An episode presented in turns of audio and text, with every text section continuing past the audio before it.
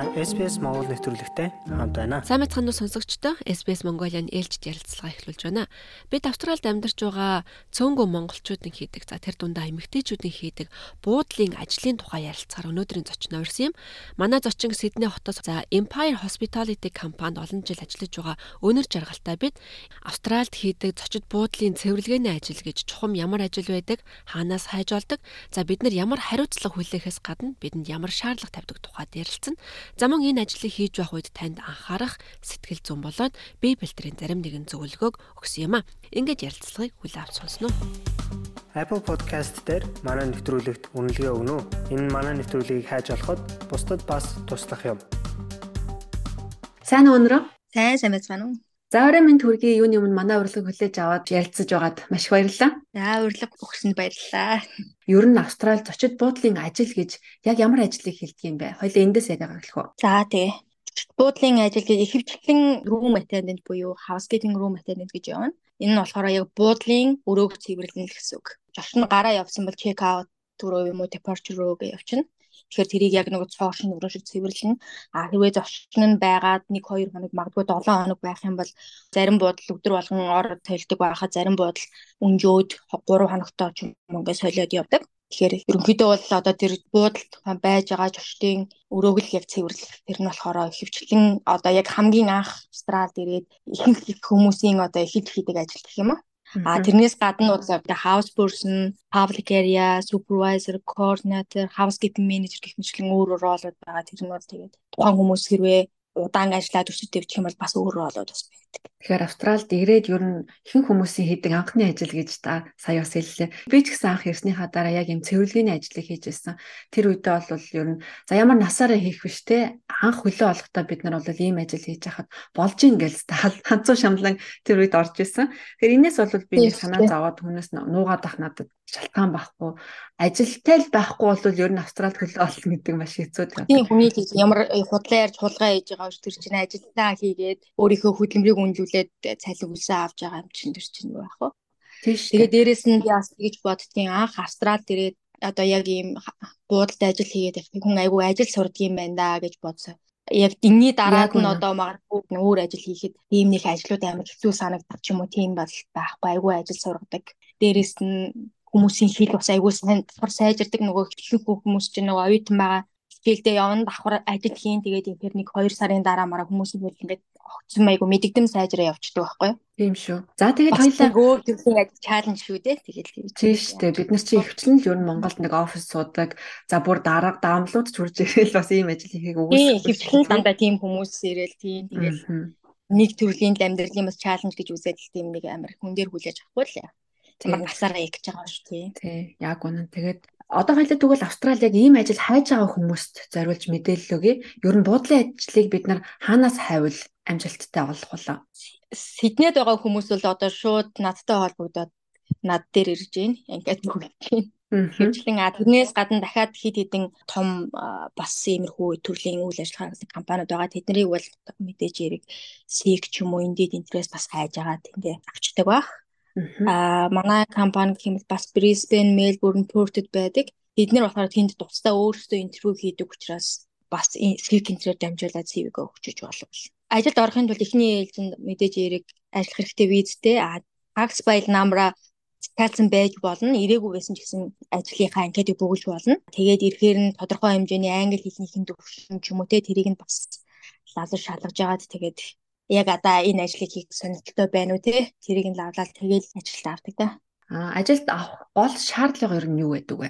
Магадгүй өмнө нь ажил хийжсэн туршлагатай ч гэдэг юм уу, хэлний төвшин ч гэдэг юм уу. Ижил төрлийн туршлагатай байвал ерөнхийдөө бол бас арай даваа тал болно. Одоо энэ 4 сараас хойш амар их хүмүүс ирээд гэх юм уу амар ажлын байр айгүй баг болсон. Тэгээд анкет айгүй хөө овоорчж байгаа байхгүй зөв ажилд орох гэсэн хүмүүс. Тэнгүүд яадгүй гэхээр их хвчлэн буудлууд одоо дараа шинэ 7 хоногт эхлэх шинээр хүмүүс авах тоогоо одоо надад өгчдөг.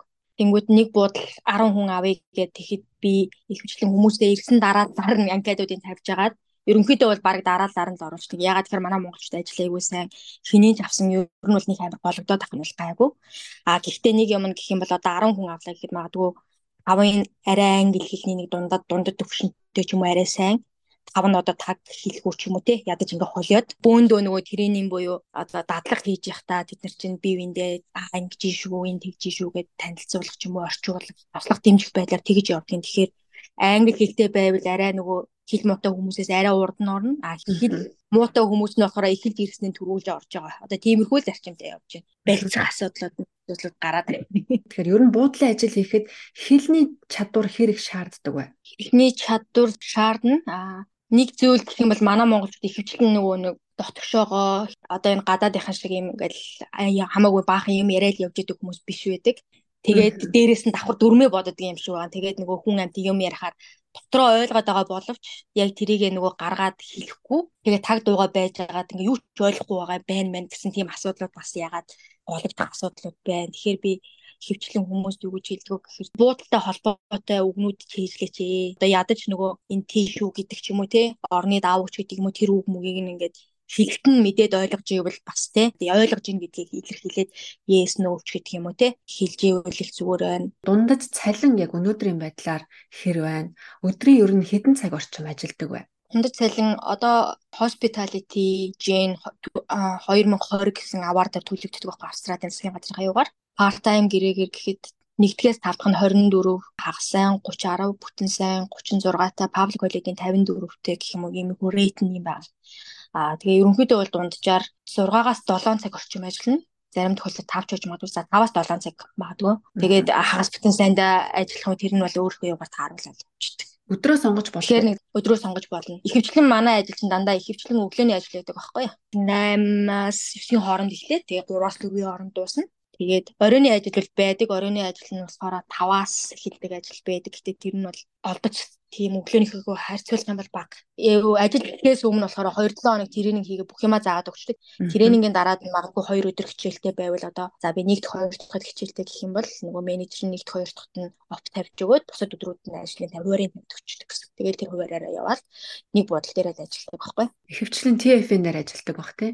Тийм дандаа TF-ээр ажиллана гэсэн. Татвараа төлөөд. Нэгэнт ингээд ажилд орцсны дараа ямар нэгэн байдлаар ажлын шаардлага хангахгүй гологдоод халагдах тийм шалтгаанууд байдгүй. Ер нь бас юун дээр бид хичээх хэрэгтэй вэ? Ажил хийх тал дээр бол одоо тэн дээр бол гологдох юм байхгүй. Аа яг эхний нөгөө тренингийнхээ явцад түрүүн хэлсэн нөгөө таг дууга зогсож байгаа ч юм уу юм ойлгохгүй байгаа юм шиг байж байгаа туслагдах тийм их тохиолдол байна. Аа хоёрд гэх юм бол бас зарим тохиолдолд өөрчилж мэддэггүй ч юм уу тийм жоохон хинэггүй байдал бас заримдаа гардаг. Тиймэрхүү байдал байж байж магадгүй. Одоо жишээлбэл одоо уг нь бол одоо өвдсөн бол өглөө за би явж чадахгүй нэ өнөөдөр өвчтэй байна гэд а менежер лүгээ ч юм уу мессежээр явуулахынхаа оронд залгаад ахт хуцаа юус авахгүй байж үжсэн оройд нь би өвчтэй байсан ч гэх юм уу те. А дахиад нэг байдал нь магадгүй нөгөө юу манайха чинь энэ жоохон юу гэх юм заримдаа арай жоохон түрэгдэх гээд байдаг. 6 сар эхний 3 сар мар ч юм уу дөнгөж ирсэн шинэ хүмүүс дээр бас нэг тиймэрхүү байдал ажиглагдаад аа Яагаад тэр хэрвээ асуудал гарах юм бол одоо за надад ийм ийм асуудал тохиолдлоо. Одоо яах вэ гэх юм уу тэгэж ярихын хооронд айгуу шууд нөгөө нэг эмоци гаргаад тиймэрхүү байдал байдлууд ажиглав. Тэрнээс өөрөөр тэрнээс бас ажлын чанар манар ч юм уу тиймэрхүү юм дөр бол өрөөсө гологдох юм байна. Одоо магадгүй цэвэрлэгээ хийж явах үед тэр өрөөнд ямар нэгэн асуудал гарвал ер нь хамгийн түрүүнд таашаа хандах хэрэгтэй тэр даруйдаа л угаасаа нөгөө супервайзеруудаа хэлэх үгүй бол доошогоо нөгөө housekeeping office-ийн координаторлуудаа хэлчихдэг байхгүй юу? Хэрвээ ажил дээр гимтэх ч юм уу те гармаараа хавчуулах юм юм толгоо зүгээр зөхөх ч юм уу. Магадгүй хин нэгэн одоо явж байгаа гест мест асуудал үүсгэх ч юм уу те. Тиймэрхүү асуудал. Ер нь ямар тохиолдолд шууд тэр даруйда супервайзер та мэдэгдэх ёстой. Цэвэрлэгээний ажил хийж хахад янз бүрийн хүчтэй химийн цэвэрлэгээний бодисууд бас нэлээд хэрэгэлдэг тийм ээ. Тэрийг зөв хэрэглэх талаар манай монголчууд ер нь хэр ойлголттойгоо болоо. Тэрнээс болоод магадгүй харшилтай болсон гэх мэтчлэн бас асуудал нэлээд сонсогддог юм байлаа яг манай буудлын бол ихэвчлэн нөгөө дандаа 5 оттой буудлууд байдаг. Тэгээд химикл нь болохоор Ecolab гэдэг яадаг. Тийм нэг хүчтэй химикл бол аахгүй. Нөгөө блич энэ төргээ ярьдаг ч близна энэ төргээ тэр мэрэг бол ерөөсөө хэрэгэлдэг. Гэхдээ одоо туршлагаас ярих юм бол хүмүүс нөгөө химиклээ цацаад өөр амиурчтай амьсгалаад идэг тэгж үл угаасаа болохгүй шүү дээ. Уг нь бол өрөөндөө оронгоотоо одоо шүршүүр мөшүүрийг хэрэг шүршүүрийнхээ усыг яангуудаа химиклээ цацаад алгыг хаагаад тэгээ өөр юм хийгээд магадгүй 10 минутын дараа ирэхэд тэр химикл нализээ доошо буугаад ажиллаа хийцэн байх хэрэгтэй байхгүй юу?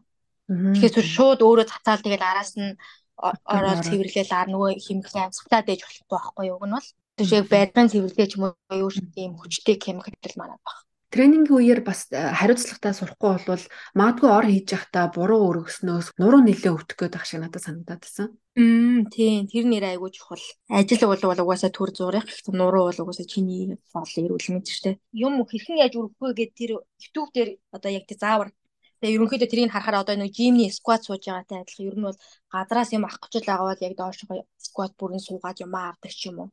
Байга ер нь бол тэрийг одоо буудал дээр хийж яхад юм өөр юм дээр яарж болно би хүмүүст хэлдэг нурууг нь юм өргөхдөө ерөөсөө яарж болохгүй тэрийг яг ингээд доошоо скват суу энэний дараад нь чи нэгт гоё өгцөгтэй болно хоёрт эрүүл нуруутай үлдээ шүү. Тэгэхээр нурууг айгу хайрл тэрийг айгу зөв өргөж явах. Тэр техникийн Google дээрээс YouTube интерес хайгаад үзчихэж болно шүү дээ тий. Тэгээ тэр айгуу чухал нэр юмсэн. Ер нь буудлын ажил бол бас Австралид анх ирээд хөлөө олоход бидний анхны цалин болдог ч гэсэн ер нь тийм амар ажил бол биш. Ялангуяа шинэ улсад ирээд шинэ соёлтой танилцж байгаа тэр анхны шокотноос гараагүй байгаа үедээ гинт хүнд ийм биеийн хүчний ажил хийгээд эхлэхээр хүмүүсийн сэтгэл санаанд бас жоохон өөрчлөлт орох үе тохиолддог баг те. Тэг өнөөдөр бас тэр хүмүүстэй ажилдаг хүний хувьд юу гэж зөвлөмөр байна?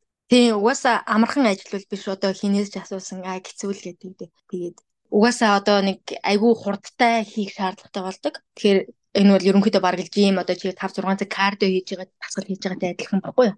Би ерөнхийдөө бол дандаа хүмүүст яг дөнгөж ажилд орох гэж эргэтэн л хэлдэг юм. Одоо магадгүй сарын дараа хүмүүсээс удаан хийгээд за яст бүтэхгүй мэн гэж бодож магадгүй. Тэгэж бодох юусоо шаардлага байхгүй. Хин нэгэн хүн яг адилхан гартай хөлтөө хүмүүс хийж болоод ахад чи хийж чадахгүй бол чиний хийж байгаа арга барилд чинь л өөр буруу байна. Тэгээд тэр арга барилаа засаа үгүй л чаддаг хүмүүст нь би чиний өрөөнөөс чинь хийгээ туслаад өгье надаа үзүүлээд өгөөч гэх юм бол монголчууд биеиндээ туслаад харуулад өгнө шүү дээ. Тэгэхээр тэгэл бидний аргаар бол манай монголчууд чинь айгүй тийм амархан хийх монголчлон арга марга одоо янз янзын аргууд сурцсан айгүй хурдан гэдэг зөндөө байдаг байхгүй. Эхнээс нь хямархаасаа өмнө чадахгүй мэр гэж бодохоос өмнө хүмүүс чадчихад тэр нь ягаад болохгүй гэж гээл сэтгэл санаагаар хямархаасаа наа болондоо угаасаа байнга хийх гэж байгаа ажил биш гээд шинэ надад чаленж болж ийн л гэж бодох тийм өөдрөг жоохон өөдрөг байхгүй л угаасаа би ядарч байгаа тохиолдол дээр сэтгэл санаагаар хямарх юм бол тэгээд бодоо шүү дээ.